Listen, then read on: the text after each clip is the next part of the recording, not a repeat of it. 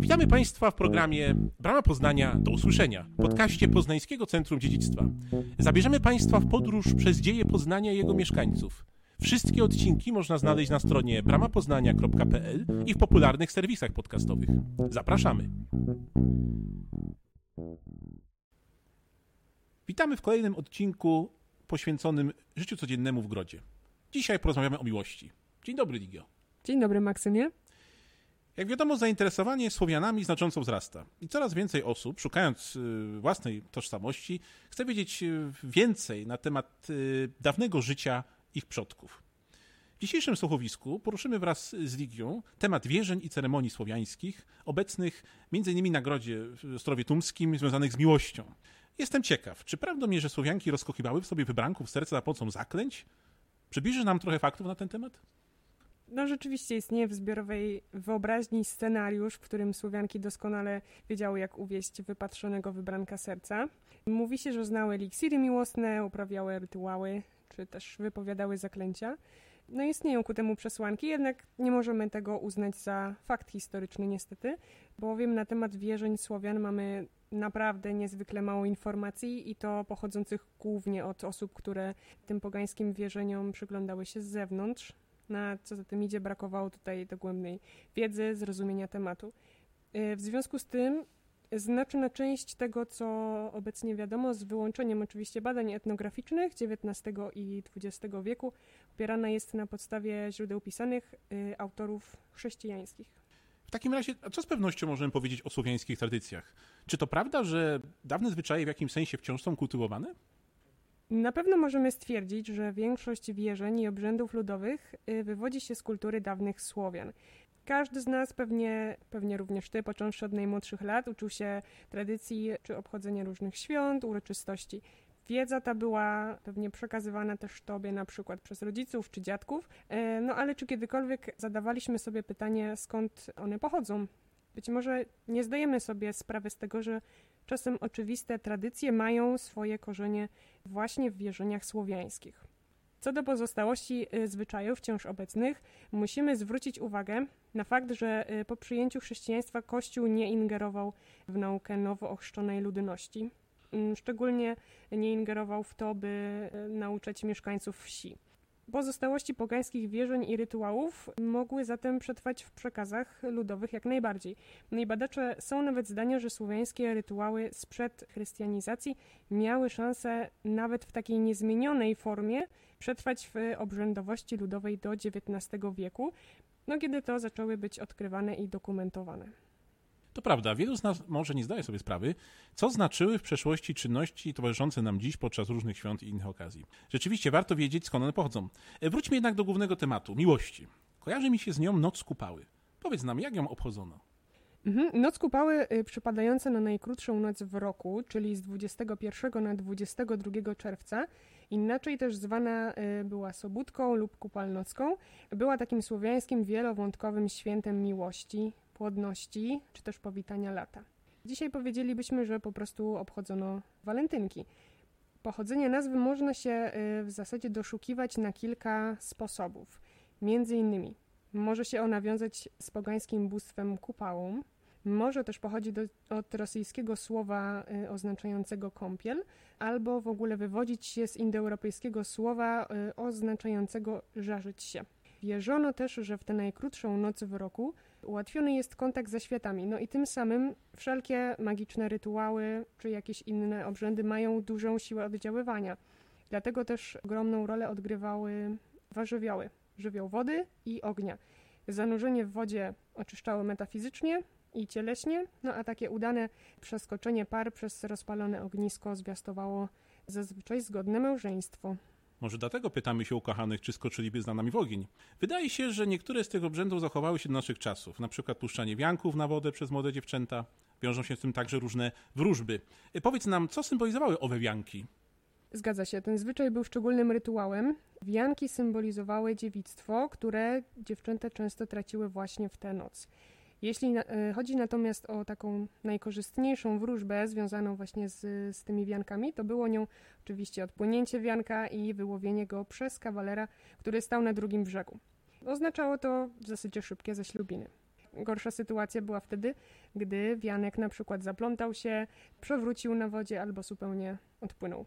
Co ciekawe, jest też y, poszukiwanie w lesie tak zwanego kwiatu paproci, ponieważ pod takim pretekstem pary połączone właśnie tym wyłowionym wiankiem y, udawały się w zaciszne miejsca, by oddawać się uciechom cielesnym. Potocznie nazwane kwiatem paproci były najprawdopodobniej gatunki, których tutaj pozwolę sobie o dziwo, w zasadzie łacińskie nazwy są prostsze do wymówienia y, niż polskie, ale mowa o gatunkach nasiężału czy podejrzona. Są to gatunki paproci, które y, zupełnie ich w zasadzie nie przypominają. Y, przynajmniej nie takich, które my kojarzymy z naszych doniczek domowych. Y, skąd zatem ta nazwa, kwiat paproci? Bo przypomnę tylko, że paprocie nie mają kwiatów, nie zakwitają, nie wytwarzają owoców i nasion. Rozmnażają się za pomocą zarodników, które są umieszczone najczęściej na spodniej stronie liścia, ale u tych gatunków są na tak zwanych kłosach zarodnionośnych. I to one właśnie sprawiają wrażenie gron kwiatowych. Trochę można powiedzieć, że wyglądają jak konwalia, także żeby tutaj sobie wyobrazić.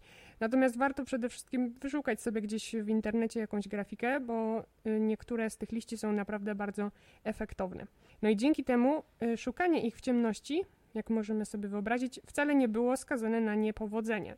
I dodatkowo wiążą się też z nimi zwyczaj smarowania się tymi liśćmi przez kobiety właśnie w trakcie tej uroczystości, w trakcie nocy kupały, co miało jakiś magiczny sposób podnieść ich atrakcyjność. Zainteresowały mnie nazwy tych gatunków paproci. Czy mogłaby się powtórzyć? Jeśli dobrze pamiętam, y, gatunek nasięź żału i podejść żona, czy tak? Zgadza się. Nasięź żał po łacinie ofioglossum i podejrzon, czyli botrychium. Bardzo, bardzo ciekawe nazwy. Wiemy już, jak zdobywano uwagę partnerki. Było to jednak okraszone ryzykiem. Wianek mógł odpłynąć, a na kolejną próbę wyłowienia go trzeba było czekać cały rok. Czy w takim razie w międzyczasie po prostu flirtowano? Trudno odpowiedzieć e, w zasadzie jednoznacznie, ponieważ no, nie posiadamy na ten temat wielu informacji. E, możemy jednak przypuszczać, że w społeczności grodu, tak jak w naszych takich lokalnych społecznościach, oczywiście istniały zachowania, które dziś nazwalibyśmy flirtem albo taką zabawą w podchody.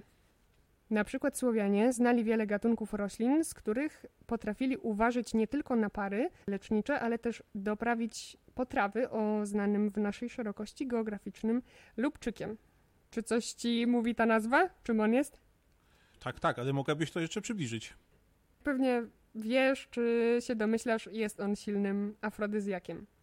Dalej, roślina, o której już wspominałam, ta o tej trudnej nazwie gatunkowej, czyli nasiężą pospolity, był też używany do czarów przez młode dziewczyny, które chciały uwieść chłopaka. No i w tym celu ponoć należało zerwać właśnie nago o północy tę roślinę, no a w czasie zrywania być odwróconym do niej plecami i wypowiedzieć stosowną formułę. No brzmi to dość trudno, ale yy, może działało. Tak, a chciałbym się jeszcze w tym miejscu skupić na ważnym dla nas współcześnie, bo pojawiającym się w popkulturze jako symbolu miłości, mm, czyli sercu. Czy pradawni Słowianie też utożsamiali miłość z radosnym sercem, albo wręcz przeciwnie, rozstanie ze złamanym sercem? W języku polskim rzeczywiście mamy ogromną pulę określeń, które wiążą emocje z sercem. I co ciekawe, Słowianie też wierzyli, że za spory udział w odczuwaniu emocji odpowiedzialne jest właśnie serce. Natomiast analizując etymologię prasłowiańskich słów możemy się natknąć na czasownik, który oznacza gniewać się. Dosłownie w zasadzie sercować czy wnętrznić się, i on został właśnie utworzony od prasłowiańskiego słowa serce. I z tego powodu to słowo na niektórych obszarach słowańszczyzny może oznaczać nic innego, ale gniew. Czyli również silna emocja. Ale intryguje mnie jeszcze kwestia tak zwanych dowodów miłości. Y, czy może istniały jakieś y, specjalne miejsca dla zakochanych? Współcześnie mamy na przykład most y, biskupa Jordana na Ostrowie Tumskim, uginający się pod ciężarem kłódek, symbolizujących nierozerwalną miłość par. A wtedy? No myślę, że można zaliczyć do tej kategorii tak zwane święte miejsca, gdzie czczono bóstwa, yy, modlono się, czy też może odprawiano rytualne obrzędy i pary w szczególności mogły składać y, ofiary bogini Łada, tak mi się wydaje, czyli bogini miłości. Miejsca te usytuowane były najczęściej w lasach, w nietkniętych taką ludzką ręką dziewiczych, gdzie wierzono, że ulokowana jest magiczna moc. I podobnie sprawa miała się ze źródełkami, głazami czy jakimiś starymi drzewami. Y, przypuśćmy, że udało nam się znaleźć partnera, partnerkę i chcemy związać ze sobą swoją przyszłość. Powszechnie ceremonia ślubu to od zarania dziejów przemowa decyzja w życiu. Często mówi się, że najpiękniejszy, że najpiękniejszy dzień w życiu człowieka. Pary poświęcają wiele czasu i pieniędzy na to, by ten jeden dzień był niezapomniany. Y, trudno sobie wyobrazić też ślub bez hucznego wesela. A czy dawni Słowianie również zawierali związki małżeńskie? Zdecydowanie. Uroczystość zawarcia takiego związku małżeńskiego była nazywana swaćbą. W zasadzie był to nie tylko akt połączenia dwójki osób, no ale też przede wszystkim ich rodzin, które decydowały się na życie ze sobą w jakiejś względnej zgodzie czy przyjaźni. No jak ten odbywał się z wymianą darów o równej wartości, posagu i był to majątek wnoszony przez żonę i wiana, czyli majątek wnoszony przez męża. Za mąż wychodziły też już bardzo młode panny, które miały około 14 lat, no czym najlepiej świadczy fakt, że starymi pannami nazywano już dwudziestolatki. A chciałbym też, y, żebyś krótko zestawiła y, słowiańskie wesele ze znanym nam współcześnie ceremoniałem. Powiedz, czy bardzo się one różnią od siebie? Samo wesele w swym ogólnym przebiegu raczej było bardzo podobne do współczesnej tradycji. Y, na dzień wesela przygotowywano ogromną ucztę, podobnie jak no teraz to się mm, czyni. Głównym elementem było y, jakieś obrzędowe pieczywo. Tutaj będziemy mówić o, o tych zachodniosłowiańskich obyczajach, dlatego y, będziemy mówić o kołaczu. Wystawnej uczcie często towarzyszyły tańce, muzyka, wesołe zabawy czy śpiewy. Do zabawy gości wykorzystywano y, wyrabiane z drzewa albo kości piszczałki, jakieś bębny czy trąby. I słowiańskie wesela trwać mogły nawet do kilku dni. Więc można raczej powiedzieć, że od tamtego czasu zwyczaje e, raczej ewoluowały niż przeszły rewolucje. A wiadomo, że wśród dawnych Słowian dopuszczana była poligamia, która polegała na tym, że jeden mężczyzna mógł mieć więcej niż jedną żonę.